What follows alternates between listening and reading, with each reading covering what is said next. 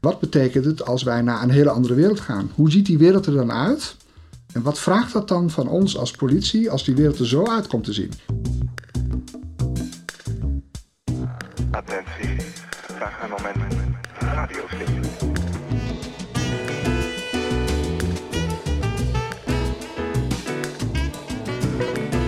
Welkom bij Radio Stilte, de podcast voor politieleiderschap. Ik ben Sophie Gootjes en samen met mijn collega Piet Hein Peters interview ik iedere aflevering een interessante gast over een woord dat voor hen van bijzondere betekenis is. In deze aflevering spreken we Marco Derksen.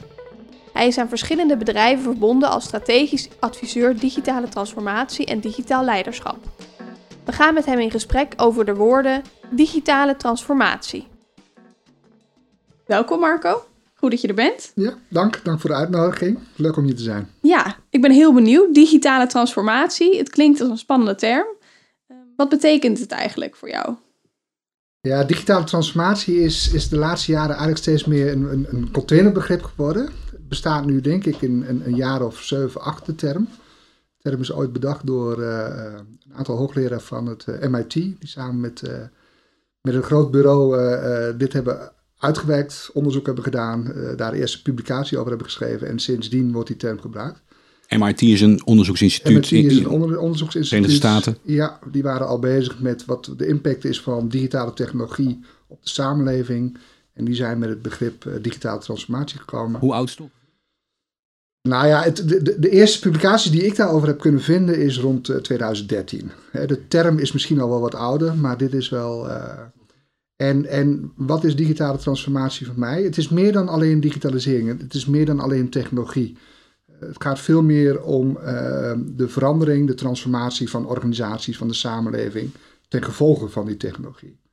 Dat is dus een, uh, een heel breed begrip. En wat is dan transformatie? Ik heb, ik heb het ter voorbereiding van het gesprek even opgezocht. Het gaat over omvormen. het is eigenlijk een begrip uit, uit de, elektriciteitswereld, zou je kunnen zeggen. Dus, wat, wat, dus het, het, het, het, heeft ook te maken met het veranderen van het bestaande. Het heeft zeker te maken met het veranderen van het bestaande. Ja. En, en waar het vooral mee te maken heeft, is dat uh, uh, digitale technologie, of technologie in het algemeen op dit moment, um, de samenleving aan het veranderen is.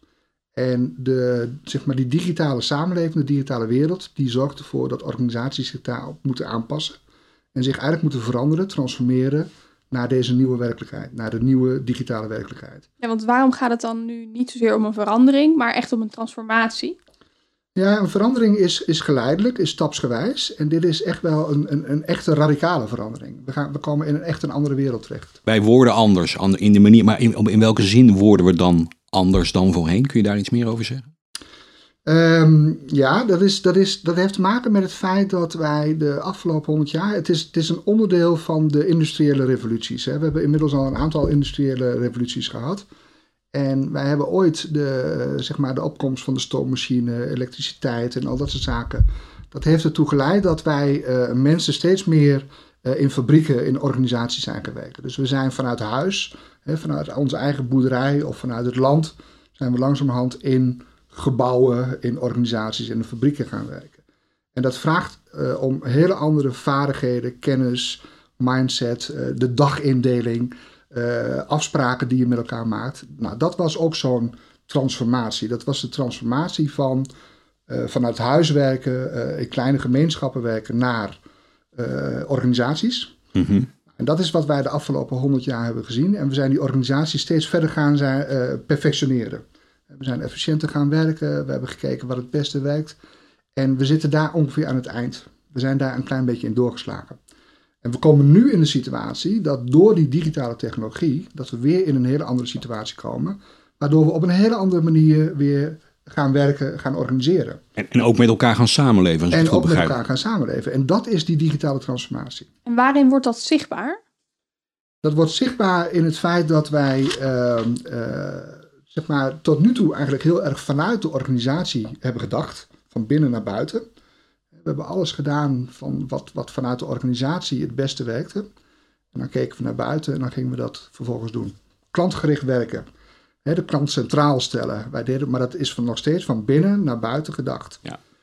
Nou, wij richten ons op de klant, zeg wij maar. richten ons op de klant. Ja, maar dat is wel wij staat Het is nog centraal. steeds organisatie-centrisch gedacht. Ja. Je denkt vanuit binnen. En wat je ziet is dat die wereld door die digitalisering zo complex is geworden dat dat niet meer kan. Je kunt niet meer op alles van binnen naar buiten reageren. De wereld is zodanig complex geworden dat eh, je kunt niet zeg maar de functies of de protocollen of dat soort zaken klaar hebben liggen om zeg maar te reageren op wat er buiten gebeurt. Er, gebeurt buiten meer dan dat jij als organisatie aan kan. Kun jij een voorbeeld noemen van, want die term complexiteit hoor je veel hè? Ja. De, de laatste jaren over dat de wereld steeds complexer en in- ingewikkelder is geworden. Ja. En meer wicked problems wordt, er wordt dan vaak ook over gesproken. Kun jij een voorbeeld noemen zegt, ja, daar, dat vind ik nou bij uitstek zo'n voorbeeld van die complexiteit, waar, waar die oude manier van denken niet meer van op toepassing is. Kun je dan iets, iets Nou ja, wat, wat, wat, wat eh, Nassim Taleb, eh, groot denker en schrijver, een aantal mooie boeken geschreven. Zwarte Zwaan, eh, Antifragiliteit en, en, en zijn laatste boek eh, Skin in the Game. Ja. Eh, die gaat daar eigenlijk op in. En ehm, het interessante is dus dat hij aangeeft dat wij in een complexe wereld zijn terechtgekomen. Een hyperconnected wereld waarin kleine invloeden een enorme impact kunnen hebben over de hele wereld. Hè. We zijn zodanig connected dat kleine invloeden aan de andere kant van de wereld op dit moment ook impact hebben op mij hier in Nederland. Neem een virus wat ontstaat op een markt Nou in ja, China. de corona is natuurlijk. En het, gaat het gaat dus niet om zeg maar, dat, dat, dat die virus eh, ontstaat. Hè. Dus een pandemie, dat hebben wij al heel lang eh, geleden voorspeld. Eh 9-11 is ook zo'n voorbeeld.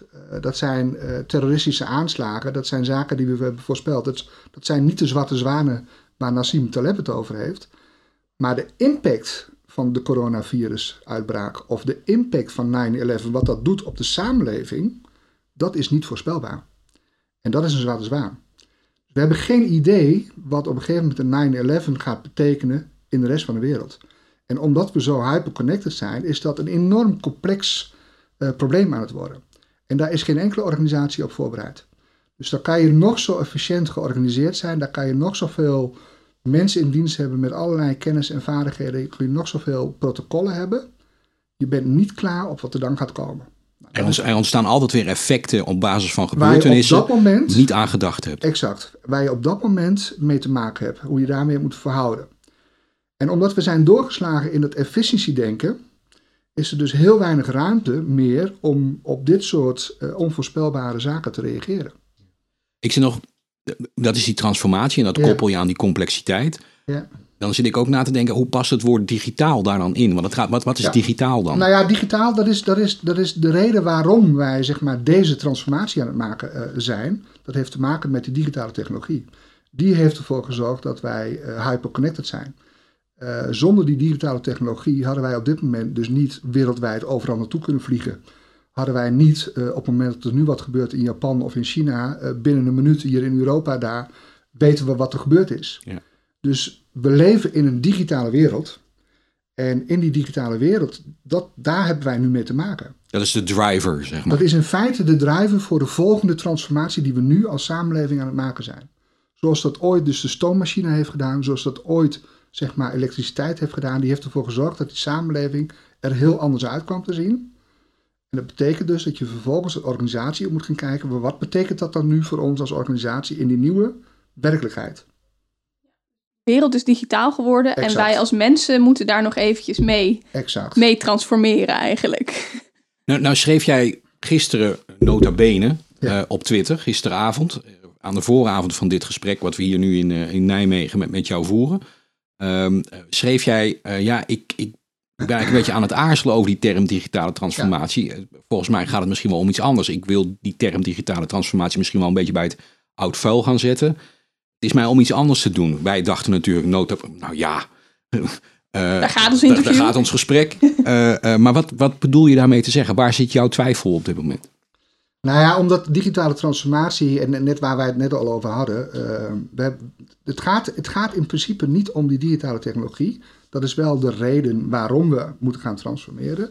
Het gaat er veel meer om dat je als, als mens, je gaat, het gaat erom anders te organiseren. Het gaat erom dat je als mens op een andere manier eh, omgaat met, eh, met, met de ontwikkelingen in de samenleving. En dat vraagt veel meer een verandering van mindset, een mentale verandering, een mentale transformatie.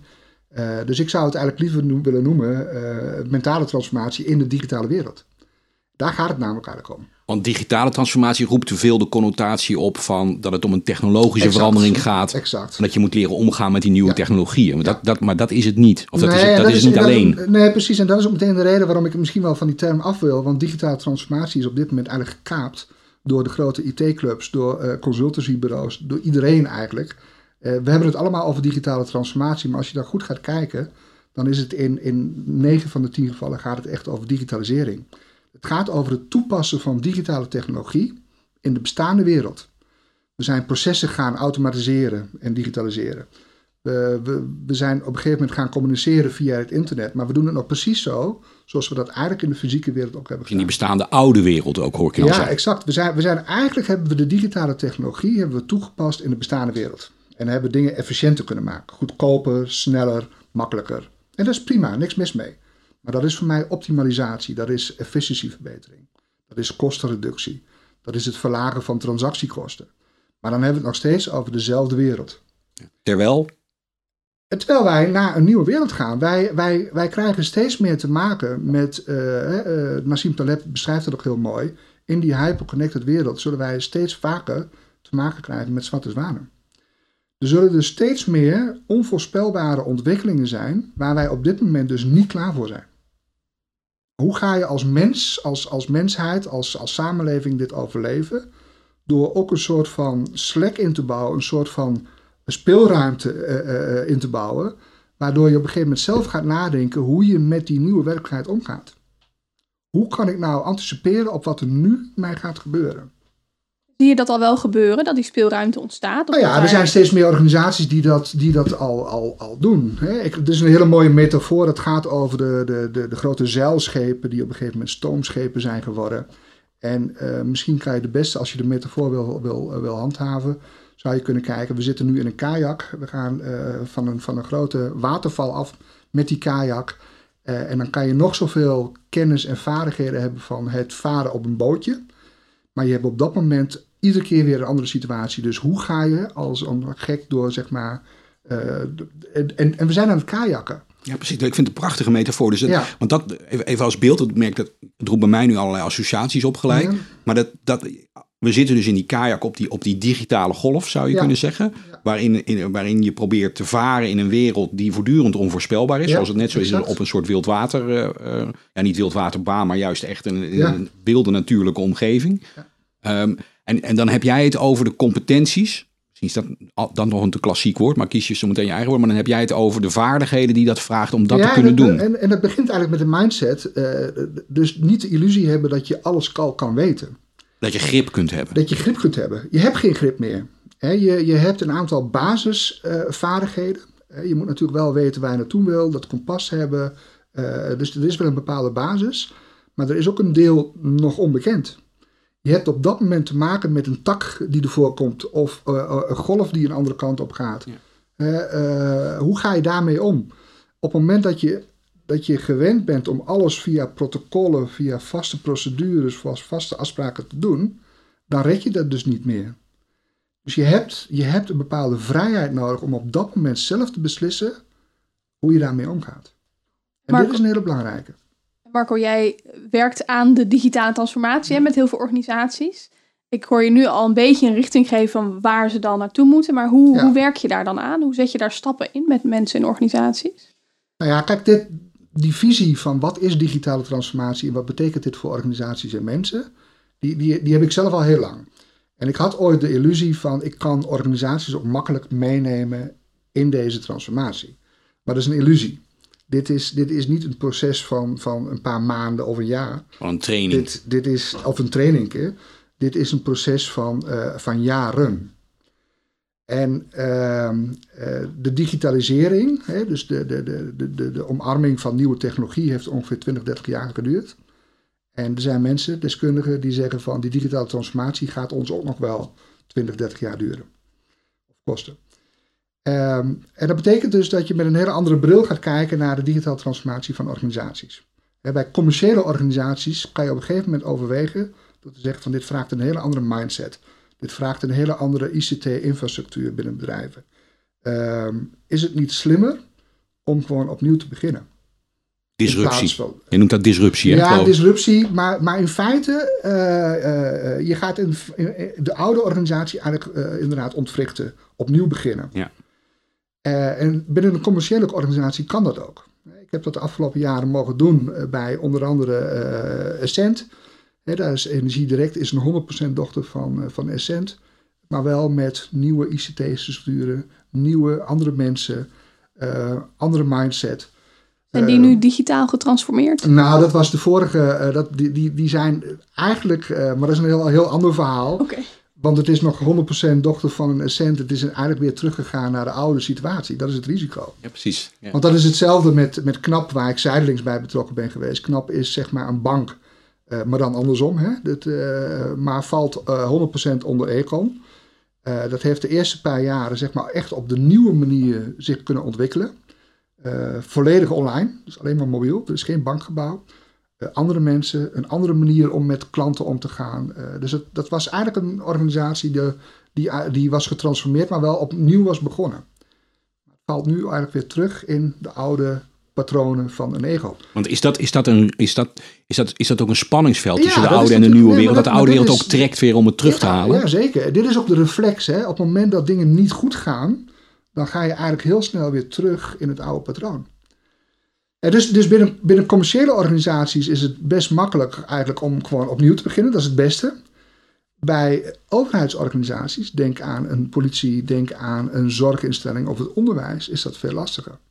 Als we het daar hebben over digitale transformatie, dan hebben we het over een langdurig proces waarbij de mensen bewust moeten zijn van wat is eigenlijk digitale transformatie?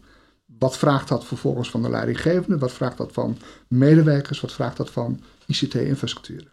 Want wat, wat maakt het eh, specifiek ingewikkeld voor een publieke organisatie? Ik kan me voorstellen dat zijn instituten die sowieso hun rol moeten blijven houden in de samenleving. We kunnen niet, we kunnen niet zomaar even de zorg verstoren of eh, de politie verstoren of het onderwijs verstoren. Dus dat, dat moet blijven. Is dat wat het Ja. ingewikkeld maakt? Of, of is er meer aan publieke Nee, dat is, dat organisaties? is, dat is een van, van eh, de redenen. Dus je kunt niet zomaar opnieuw eh, een nieuwe politie beginnen. Daarnaast. Hè, dat, is, dat is best lastig. Eh, maar ook nog iets anders. Dat is namelijk dat eh, publieke organisaties eh, veel meer eh, belanghebbenden hebben. Dus hun, hun eh, omveld, hun omgeving is veel complexer dan een commerciële organisatie. Die eigenlijk in feite alleen te maken heeft met toeleveranciers en klanten. Waardoor ze minder... Nou ja, waardoor ze veel minder afhankelijk zijn van, heel, van, zeg maar, van dat omveld, van die omgeving. En een publieke organisatie heeft heel veel verschillende eh, belanghebbenden. Vanuit de politiek, vanuit de, de burgers, eh, partijen waarmee ze samenwerken. Dus dat is een veel complexer eh, speelveld dan waar de commerciële organisaties in zitten. Dus een, dus een publieke organisatie moet zich gewoon verhouden met de ontwikkelingen die, eh, die gaande zijn buiten. Nu werk jij momenteel met de politie. Ja. Je, werkt mee aan. eh, je bent eigenlijk een van de dragers van het programma rondom de digitale transformatie van de politie. En je werkt daar met tactisch en strategisch leidinggevenden. Die, die je probeert mee te nemen in jouw verhaal. Wat valt je dan op? Nou, wat, dit is de tweede leergang waar we nu mee bezig zijn, de tweede editie. En eh, dat, dat het enthousiast gedreven mensen zijn. En waarvan het, het grootste gedeelte ook wel een idee heeft dat, dat digitale transformatie al meer is dan alleen die digitalisering. Dus men ziet wel waar het naartoe moet. Eh, maar het is een zoektocht. Het is een zoektocht hoe we zeg maar, dit ook binnen de politie eigenlijk een stap verder kunnen krijgen. Want waar, wat, wat is dan de. Want je noemt het een zoektocht. Eh, be- Ja. Associatie die ik dan heb is. eh, Blijkbaar zit er ook nog een soort blindheid dan. In het, in het tasten. Het, het- wat, wat is de blindheid die je dan nog ziet? Of ik bedoel Nou dat ja, niet je- negatief, maar wat is. Nee, maar, maar, maar digitale transformatie, hè, je, we, we kunnen met elkaar een beeld vormen van hoe die nieuwe eh, digitale werkelijkheid eruit ziet. En daar krijgen we ook steeds meer een beeld van. Eh, maar we hebben eigenlijk geen idee wat daar nu de beste organisatievorm bij is die daarbij past. Dus eh, we kunnen nu niet op voorhand al aangeven, een eh, politie die digitaal getransformeerd is, ziet er zo uit. Dat is er namelijk nog niet. Dat beeld van hoe die, digitale die digitaal getransformeerde organisatie eruit moet zien, dat hebben we nog niet. We hebben ideeën daarover. We, we hebben ideeën over welke vaardigheden je nodig hebt. Welke, eh, welke werkvormen, het, dat soort zaken weten we wel een klein beetje. Maar we hebben nog geen concrete beeld van hoe dat eruit moet gaan zien. Waarom is het dan volgens jou wel belangrijk om daar bij stil te staan met die politie? je hebt een complexe, onzekere omgeving eigenlijk, zeg je. Die Ja. wordt steeds complexer en onzeker. Ja, En juist ook de digitale transformatie, die brengt eigenlijk ook weer heel veel eh, onzekerheden met zich mee of vestigt daar Ja. de aandacht op. en het wordt alleen maar erger. Het wordt alleen maar meer. Het, wordt alleen maar complexer. erger. Ja. Nou ja, erger is niet het goede woord. Het, het, het wordt steeds complexer. En ik, ik ben ook van overtuigd dat wij als mensheid dit, dit gaan omarmen. En dat we dit, zoals we dat ook bij de vorige industriële revoluties hebben gedaan. En dat we daar eigenlijk weer een stap voorwaarts gaan zetten. Ik ben ervan overtuigd dat wij eh, door op een goede manier samen te werken straks ook om kunnen gaan met een pandemie als eh, een coronacrisis. Of een wereldwijde terroristische aanslagen. Daar gaan wij oplossingen met elkaar voor vinden. Maar dat kan alleen op het moment dat wij zeg maar, die, ehm, die, die nieuwe digitale werkelijkheid hebben omarmd. En daar voor onszelf ook de nieuwe eh, spelregels met elkaar hebben gevonden. Maar eh, nog even terug, nog Ja. even terug naar, naar, naar, die, naar die leergang die je nu doet met die leidinggevende. Even terug naar het beeld van die kajak. Hè? Ja, Is het nu zo dat jij, dat jij nog met die mensen aan de kant staat en zegt: Dit is de kajak, dat is het water, daar moeten jullie straks in? Of heb je ze al in de kajak gezet en zijn ze een beetje aan het peddelen? Oh, nee, dat- van, dat- eh, wat, eh, wat, wat gaat hier nou gebeuren? Wat, wat is ja, dat wisselt. Dat wisselt. Dat betekent dat, dat sommige eh, mensen echt nog, nog nieuwe dingen horen op, eh, op het gebied van digitale technologie. Wat is er eigenlijk mogelijk met AI of met big data of met blockchain of met, met quantumcomputers, dus de technologie. Die moet je gewoon nog laten kajak? ken- is gewoon- die moet je gewoon nog laten kennismaken. zeg Ja, maar. dat zijn gewoon de middelen en, en, en welke mogelijkheden hebben we daar eigenlijk? Hè? Van wel, welke, welke attributen, eh, tools, instrumenten kunnen we nou gebruiken? De kajak. Ja, precies. Dan zeg je: Dit is een kajak, Ja, mensen. En dat leg je uit wat het Ja, allemaal vraagt. ja, en, ja. Nou, en daarnaast zijn er nog een aantal mensen die hebben nog nooit in zo'n kajak gezeten. Dus die zullen zeg maar nog, nog moeten, moeten eh, leren werken met dit soort digitale technologieën. Eh, maar er zijn ook al mensen die dit al een keer hebben gedaan. En die zijn al veel meer bezig met hoe kan je nu op de juiste manier die onderstroom eh, kennen. Hoe je kunt varen op zo'n eh, op zo'n wilde, wilde golf. Dus, dus hoe leer je nou eigenlijk de context lezen van je omgeving waarin je op dat moment werkt? En dan hebben we het eigenlijk veel meer over de vaardigheden over, en dat meegeven in zo'n leergang. en wat reik je ze dan aan? Dat zijn een aantal instrumenten. Ik bedoel, dat zijn een aantal instrumenten hoe je kunt omgaan met complexiteit of met eh, een onzekere toekomst. Denk aan scenario planning. Dat is een instrument om na te gaan denken van hoe zou die wereld de komende jaren eruit kunnen zien. En op het moment dat je nadenkt over scenario's, dan ga je voor jezelf, of met het liefste doe je dat zeg maar met de mensen waarmee je samenwerkt, ga je nadenken over van hoe ziet het eruit als eh, de coronacrisis nog, nog twee jaar gaat duren. Eh, en wat betekent het als wij naar een hele andere wereld gaan? Hoe ziet die wereld er dan uit?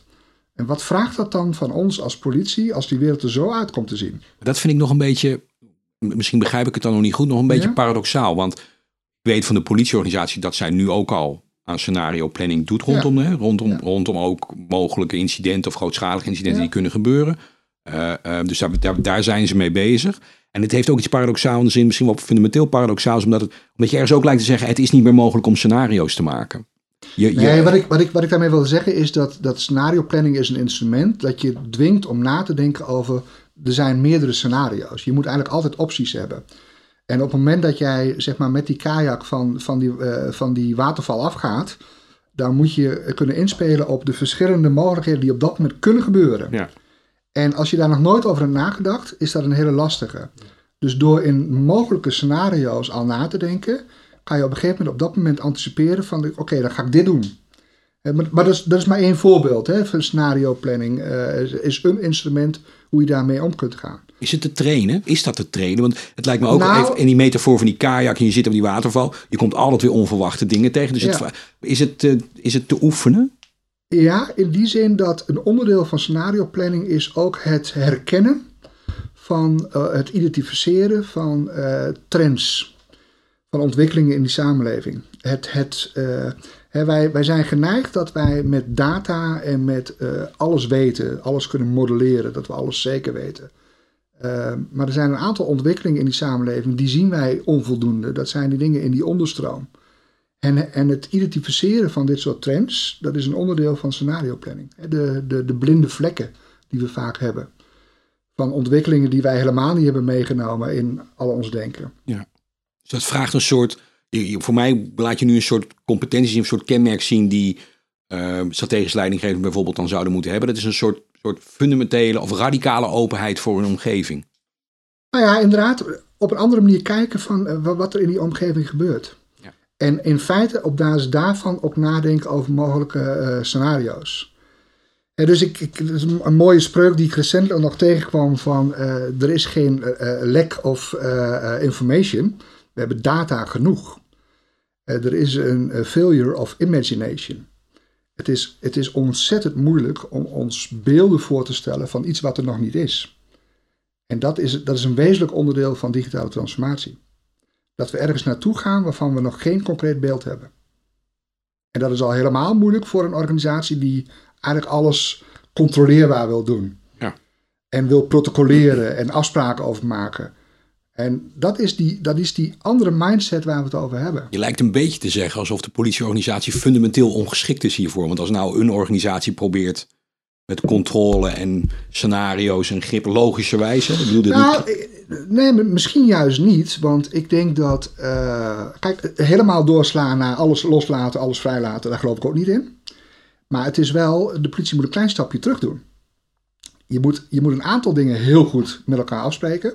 Dus de achterkant, de systemen, eh, de basis moet gewoon kloppen.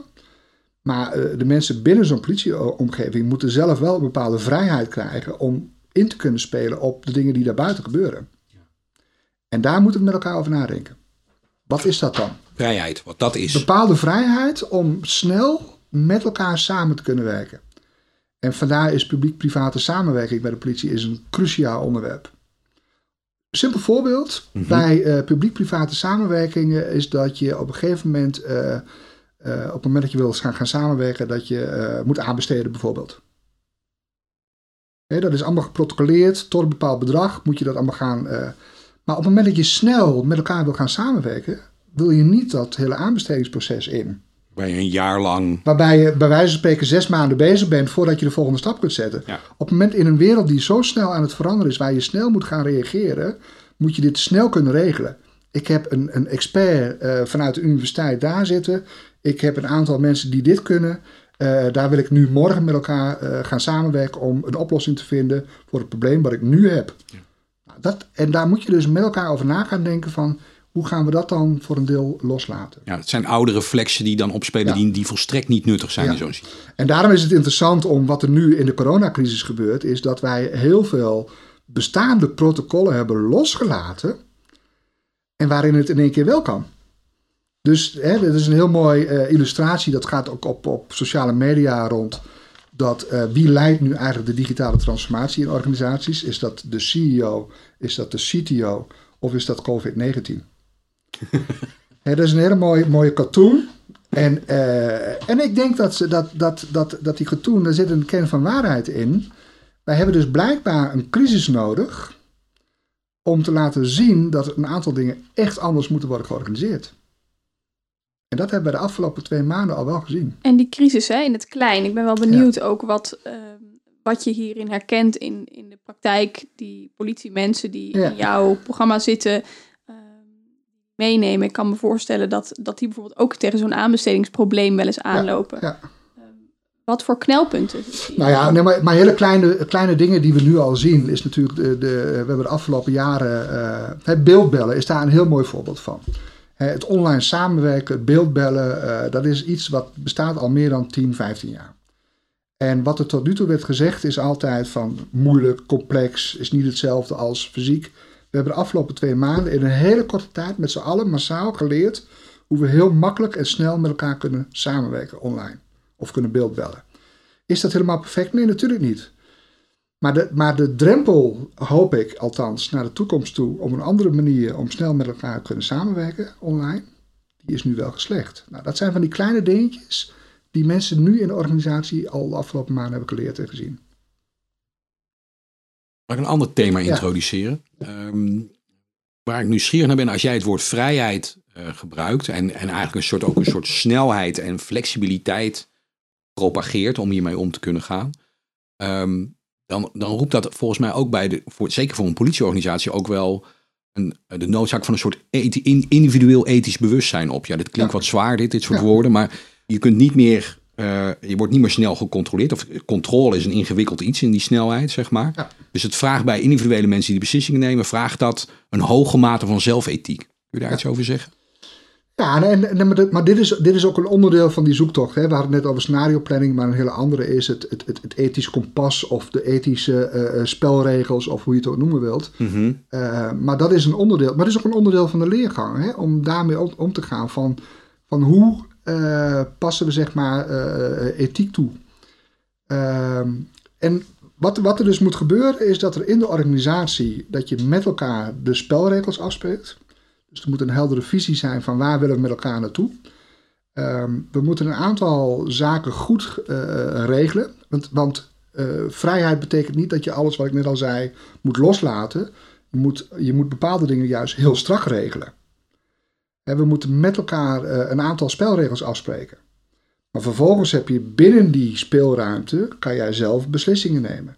Maar dat betekent dus wel dat jij zelf ook die, die nieuwe spelregels moet leren. Eh, hoe gaan we om met die ethische vraagstukken? Hoe ga ik daarin handelen als ik al die vrijheid heb? Ehm, en dat vraagt dus ook vertrouwen. Hè? Als we dan gaan hebben over de, de nieuwe spelregels voor leidinggevenden bijvoorbeeld. Dat betekent dus dat leidinggevenden uiteindelijk ook veel meer het vertrouwen moeten hebben in de mensen waar die leiding aan geeft. Maar bijvoorbeeld de eerste paradox die ik al hoor, je moet een heldere visie hebben. Ja, Terwijl we het net ook heel lang hebben gehad over hoe onvoorspelbaar die wereld is. Hoe, hoe, hoe Ja. doe je dat dan? nou een heldere visie in de zin, eh, dat hoeft, een heldere visie wil niet zeggen dat we exact in detail gaan uittekenen van zo gaat het worden. Maar een heldere visie wil wel zeggen van dit is die wereld waar die ongeveer naartoe gaat. En dat vraagt dit en dit van ons als organisatie. En dan de volgende, dus ehm, heel veel vertrouwen geven, maar wel dingen strak regelen. Mhm. Lijkt inderdaad heel erg tegenstrijdig, hè? Nou, paradoxaal, misschien nog niet gelijk. Nee, nou ja, misschien kan ik een voorbeeld pakken, eh, buurtzorg. Hè? Dus dat, ik, ik, vind, ik vind dat een mooi voorbeeld van een organisatie die zich eigenlijk al eh, heeft aangepast aan die nieuwe werkelijkheid. Twee zinnen over buurtzorg, Ja. want niet iedereen zal dat kennen die hier naar luistert. Nee. Buurtzorg is wat voor organisatie? Buurtzorg, eh Jos de Blok, is, is, is, komt vanuit de traditionele thuiszorg. Is op een gegeven moment een nieuwe organisatie gestart, omdat hij zelf vond dat hij te strak in de procedures moest werken. En buurtzorg is in feite een organisatie waarin zeg maar, in zelforganiserende teams ehm, eh, eh, zorgmedewerkers zelf kunnen beslissen hoe ze zeg maar, een, een, een cliënt kunnen helpen. En dat betekent dus dat zij op het moment dat zij ergens bij een huis binnenkomen, zelf beslissingen kunnen nemen hoe ze dat doen. Ze lossen zelf de problemen op in hun eigen team. Zelfsturing. Nou, ik, zelfsturing en zelforganisatie is echt wat anders. Ja. Zelfsturing bepaalt namelijk, ik, ik kan zelf de richting bepalen. En zelforganisatie is de richting met elkaar afgestemd. Maar organiseren wij het zelf? Dus eh, het verschil daarin is dat de organisatie wel aangeeft waarom en waar gaan we met elkaar naartoe, die visie. Maar vervolgens het, het hoe we dat doen, eigenlijk loslaat en dat toevertrouwt aan de medewerkers. Zelforganisatie. Wij organiseren het zelf. Terug naar het voorbeeld van, van buurtzorg. Ja. Ehm, dat betekent dus dat mensen in, in zelforganiserende teams werken en zelf beslissingen kunnen nemen tot een bepaalde hoogte. Want aan de achterkant is alles heel erg goed vastgelegd. Dus de ICT-infrastructuur van de buurtzorg is ontzettend goed vastgelegd. Alle medewerkers hebben hun eigen dashboard en zien precies van wat er met die cliënten is, cliënten is gebeurd of wat een collega al heeft gedaan. Dus aan de achterkant zijn heel veel dingen eigenlijk al heel goed vastgelegd. Maar vervolgens is daar dus een kleine speelruimte waarin die medewerkers zelf beslissingen kan nemen. Een kleine speelruimte, als ik het goed begrijp, ik, maak het nu niet te klein. Want volgens mij is het zo dat bijvoorbeeld wijkverpleegkundigen in hun wijk of buurt waar ze werken, maximale ruimte hebben om, om inhoudelijke beslissingen te nemen. Ja, maar dat betekent wel dat je bepaalde dingen kunt doen. Die handelingen die je doet, moeten natuurlijk wel binnen de spelregels Ja, met elkaar passen. Ja, Ik bedoel, ik ga niet op een gegeven moment eh, zelf medicijnen eh, bedenken Ja. en, en uitgeven aan een patiënt of een cliënt. Ja. Om maar een voorbeeld te geven. Ja. Dat is wel degelijk vastgelegd. Ja. Ehm, het werken met het vastleggen van, van een aantal zaken in het systeem is wel degelijk met elkaar afgesproken. Zal iedere medewerker moeten doen. ja, Maar of ik nu voor een bepaalde cliënt 10 minuten gebruik om eh, met zo'n eh, persoon te spreken of een half uur. Als ik vind dat ik daar een half uur voor nodig heb, dan neem ik die ruimte. Ja, dat is die afweging. En dat is, dat is die ruimte die je krijgt waar je zelf beslissingen over kunt En waarom is dan, want jij brengt buurtzorg ter sprake als voorbeeld voor in relatie tot die Nou, politieorganisatie. van, een, van een grote organisatie die in feite al zichzelf heeft getransformeerd naar het denken van, van eh, niet meer van binnen naar buiten, maar van buiten naar binnen. Dus kunnen inspelen op die context buiten. En dat is ook iets waar een politie steeds vaker mee te maken zal krijgen. Eh, We hebben nu alles geprotocoleerd. We, hebben, we doen het allemaal volgens vaste eh, spelregels. Maar je zult op een gegeven moment dus meer ruimte moeten hebben om buiten zelf een aantal beslissingen te kunnen nemen. Om snel in te kunnen spelen op. En dat gaat van hele kleine dingen op straat tot de manier waarin je samenwerkt met andere partijen. Het vraagt vertrouwen. Dat is dat Het- woord. nou ja, dat is wat ik net al aangaf. Een van de belangrijkste eh, zaken waar je zeg maar, mee te maken zult krijgen als leidinggevende, is dat je veel meer vertrouwen moet hebben in de mensen waar je leiding aan geeft. Dus we gaan van command en control, noemen ze dat wel, naar veel meer vertrouwen en vakmanschap. Ga er maar vanuit dat die mensen hun vak beheersen. En we moeten ze vertrouwen dat ze binnen de context waarin ze werken de juiste beslissingen nemen. Ja, want wat moet daar tegenover staan? Hè? Dat vertrouwen. Je zegt vakmanschap. Wat staat er aan de andere kant daarvan? Nou ja, goed, vertrouwen krijg je op het moment dat je het natuurlijk zelf ook dat vertrouwen verdient. Dus je zult dat ook uiteindelijk moeten gaan doen. Je dat vakmanschap toont. Zeg maar. Ja, Dat is een Ja. voorwaarde. dat is wel een voorwaarde, uiteraard. En wat is Maar leiding? daar ben ik, daar ben ik ook van overtuigd. Dat, want, eh, en dat is, hè, je vroeg straks van wat, is, wat valt mij op als ik kijk naar de mensen binnen de politie. Dat dat in het algemeen ongelooflijk gedreven mensen zijn eh, die hun vak heel goed begrijpen. En dat geldt in de zorg ook. Als ik naar zorgmedewerkers kijk, dat zijn in het algemeen hele gedreven mensen, gepassioneerd voor hun vak en hun vak heel goed kennen. En het is eigenlijk raar dat wij de afgelopen jaren, eh, zeg maar, hun vak eh, eh, zijn gaan protocoleren. En, en, en binnen bepaalde spelregels heel erg hebben strak gelegd. Dus je lijkt nu ook te zeggen, ze, ze zijn eigenlijk intrinsiek al heel geschikt voor die, Ja. voor die Nou, samenleving daarom sta jij straks van, daarom twijfelde ik er even van. de politie lijkt me dan maar een uitstek een organisatie die het heel moeilijk die transformatie kan maken. Eh, ik denk op het moment dat ze die mindset eenmaal om hebben gezet, dat het juist een enorme geschikte organisatie is om dat op een andere manier te doen. Omdat het zulke gedreven eh, vakmensen zijn. Je zegt ehm, op, de, op, op de website van, eh, van waar je werkt, Upstream, Ja.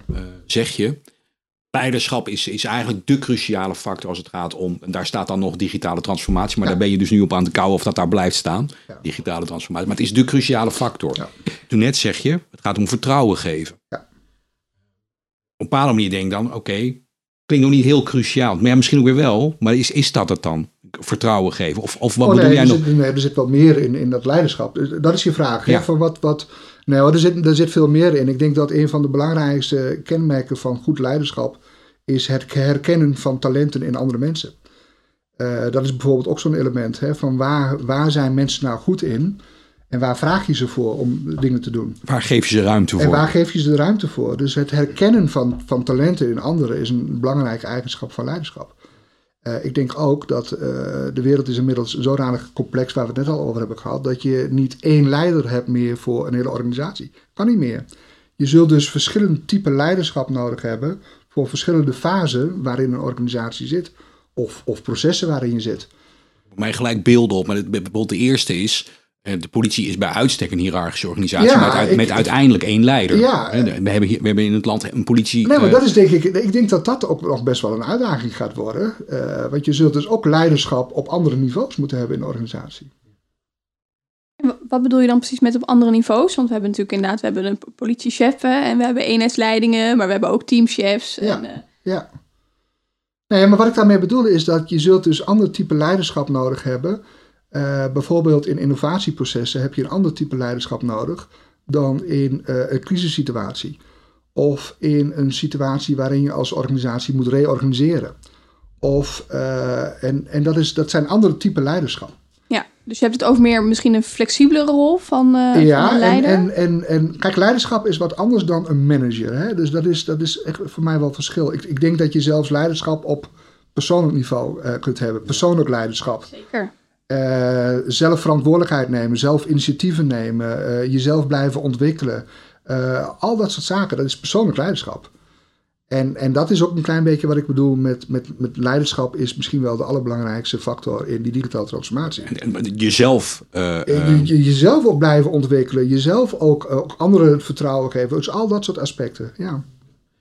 Een ander aspect nog. Ja. Je, je zegt ook het vermogen om talent te zien en ruimte Mhm. te geven.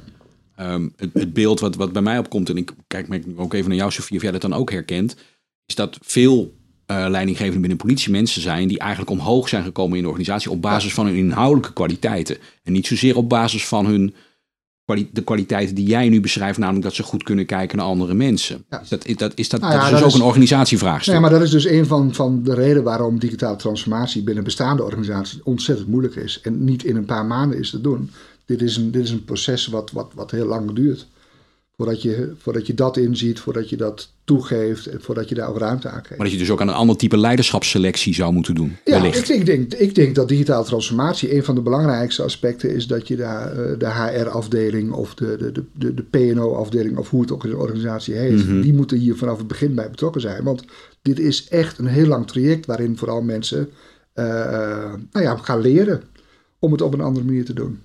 En bij mij komt dan ook wel de vraag op, wat neem je mee hè, van het oude? Is, mag dat gewoon weg? Of, of Nee, nee dat, dat- daarom straks zei ik van, er zitten natuurlijk ook hele goede elementen in de, de, de manier waarop we dingen hebben georganiseerd de afgelopen 100 jaar. Eh, het is niet voor niks dat wij zeg maar, we zijn eh, organisaties efficiënter gaan inrichten. Eh, er zitten dus heel veel elementen in die we zeker moeten behouden. Alleen we zijn daarin doorgeslagen. Eh, ik denk dat het heel goed is geweest dat wij eh, zeg maar begin jaren 80 op een gegeven moment eh, steeds meer die marktwerking hebben gestimuleerd als overheid zijnde. Hè? Maar ook daarin zijn we weer doorgeslagen. Wij moeten weer een klein stukje terug om, om te kijken van wat moeten we behouden en wat, wat laten we wat meer los. Dus we- we wel degelijk bijvoorbeeld dingen behouden rondom protocolisering van wel degelijk bepaalde standaarden, kwaliteitsstandaarden vasthouden. Eh, eh, de- de- dat zijn goede principes. Ja, zeker. Ja, ja, zeker. Nee, kijk, en, en, en laten we heel eerlijk zijn, in sommige situaties is het, het, het hele hiërarchische direct, eh, directief werken blijkt gewoon het beste te werken. Op het moment dat jij een, een productieproces hebt, dan moet je niet hebben dat iedereen daar alle vrijheid en allemaal op hun eigen manier gaat doen. Dat moet gewoon op de standaard op dezelfde manier. Maar in andere onderdelen moet je het op een andere manier gaan doen. Ja, juist die flexibiliteit Zorg, moet een grote politie, organisatie hebben. Ja, ja. Richting eh, de afronding van, van, van, van ons gesprek, ehm, Marco. Ehm, stel de politie doet dit niet. Dus ehm, we doen een paar van die trainingen bij jou. En, eh, eh, maar uiteindelijk, veranderen we niet fundamenteel. Die, die mentale verandering, die mindset. Ja, maar dat is. Ik, Wat ik of is dat ik- onvermijdelijk ik dat hij er wel komt? Die vraag staan in jullie, eh, in jullie overzicht. Eh, eh, dit is niet een kwestie van wel of niet doen. Dit bedoel, gebeurt. Dit, dit gebeurt. Het is niet een, de- er is niet de vraag of een organisatie moet digitaal transformeren. Het is van eh, die weer, de samenleving is aan het transformeren. We gaan naar een digitale samenleving. Je toe. moet mee. En dat Je betekent, gaat mee. Je gaat mee. dat, dat betekent inderdaad dat, dat eh, iedereen die in die samenleving eh, wil leven, wil werken, zal, zal mee moeten. Ja. En de een die doet dat wat, wat sneller en makkelijker dan de ander. Eh, voor commerciële organisaties is het eigenlijk geen discussie. Eh, Je overleeft het niet als je het niet Ja. doet. Dus daar is het, staat het buiten kijf dat dit soort organisaties moeten doen. Ehm, bij publieke organisaties is de vraag van hoe snel kunnen we het? En wat is de beste weg om dat te gaan doen? En, ehm, en dan, dan zie je dat, dat, dat sommige organisaties dat wat, wat, wat sneller en beter oppakken dan anderen. En, en, de mate van, en de mate van snelheid heeft een verband met de mate van de last die je ervan hebt, zeg maar. Hoe, hè, dus de- hoe, als je daar niet sneller in meeschakelt, ervaar je meer last in het operationele werk dat je doet. Ja, ja zeker. Marco, wat, wat, wat me opvalt in je verhaal is, we begonnen bij digitale transformatie. Ja. Dat is een heel groot, breed eh, eh, begrip. Eh, maar steeds maak je eigenlijk, maak je hem voor mij steeds kleiner. Dus het gaat eigenlijk niet over grote digitale trends of over hele grote structuren misschien ook. Maar het gaat over klein persoonlijk leiderschap. eh, je eigen eh, mindset die daarin verandert. Ehm, wat is daarin, wat kan, kan ik, kunnen Piet Hein, kunnen wij eh, of kunnen alle politieleidinggevenden, wat moeten wij op individueel niveau doormaken om klaar te zijn voor die digitale transformatie? Nou ja, de, de, de eerste stap is natuurlijk het bewustzijn. Het, je bewustzijn dat die wereld aan het veranderen is en je beseffen wat dat betekent. Dus wat, wat, wat betekent het dat wij straks een, een, samenleving hebben waarin alles connected is, waarin steeds meer data verzameld wordt, waarin uh, op basis van die data steeds meer zaken data gestuurd zullen zijn, waarin algoritmes komen die dingen uh, veel sneller en beter kunnen dan wij als mens. Dus dat bewustzijn is een hele belangrijke. En uh, de eerste stap zal zijn dat je dit soort technieken gebruikt om te kijken hoe je je eigen werk een klein beetje beter kunt, beter, sneller uh, kunt maken. Uh, maar al heel snel zal op een gegeven moment blijken dat je daardoor dus ook dingen heel anders moet gaan oppakken. dus dat bewustzijn is een alle, allerbelangrijkste. De tweede is gewoon doen mee spelen, proberen. Mee, mee, proberen. In die kajak stappen. in die kajak stappen maar dan niet meteen van de hoogste waterval, maar dan zeg maar uh, gewoon op een kabbelend beekje eens kijken wat dat, uh, wat dat betekent. Uh, dus dat doen. En dat ook vooral doen met, met anderen. Hè, want, want wat één ding, we, we gaan dus naar die complexe samenleving waarin we het niet meer alleen kunnen. En we moeten dit samen met anderen doen. Dus niet alleen de politie, maar dat betekent dat je met gemeentes, met een Rijkswaterstaat, met, met uh, private organisaties die gespecialiseerd zijn in dingen die wij gewoon niet in huis hebben. Burgers. Dus uh, met burgers, uh, hele belangrijke.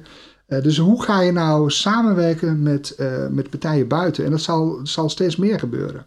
Want we hebben niet alle kennis meer in huis. We kunnen ook niet alles in huis hebben. En dat vraagt dus een hele andere manier van, van denken. Dus dat, dat is denk ik een belangrijke. En ook dat kan je natuurlijk gewoon spellende wijs in, in pilots of in experimenten uh, met elkaar doen. En dat zijn we ook volop aan het doen. Dankjewel. Graag gedaan. We zijn aan het einde gekomen van deze aflevering van Radio Stilte. Mocht je naar aanleiding van deze podcast meer willen weten over leidinggeven aan de digitale transformatie, dan kun je onderzoeken of de leergang Digitale Transformatie en Leiderschap van de Politieacademie iets voor jou is. Hierin word je door onder andere Marco meegenomen in wat de digitale transformatie van jou als leider vraagt. Zoek hiervoor de website van de politieacademie en klik op voorleidinggevende of stuur een mail naar politieleiderschap@politieacademie.nl. Daar kun je ook terecht met verdere vragen over deze podcast.